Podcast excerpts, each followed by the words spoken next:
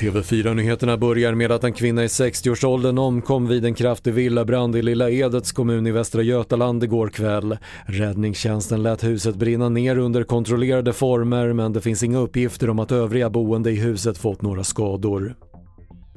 Över 14 000 tvister hanteras av förvaltningsrätten efter att statens korttidsstöd betalats ut till coronadrabbade företag, rapporterar SR.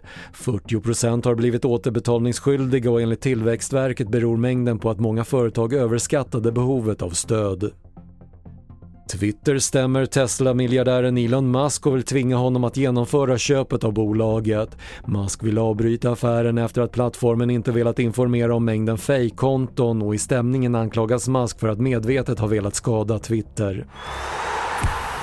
Och I fotbolls-EM vann Tyskland stormötet mot Spanien med 2-0 igår kväll.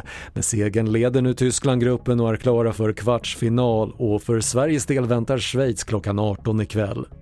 Fler nyheter hittar du på tv4.se. Jag heter Patrik Lindström.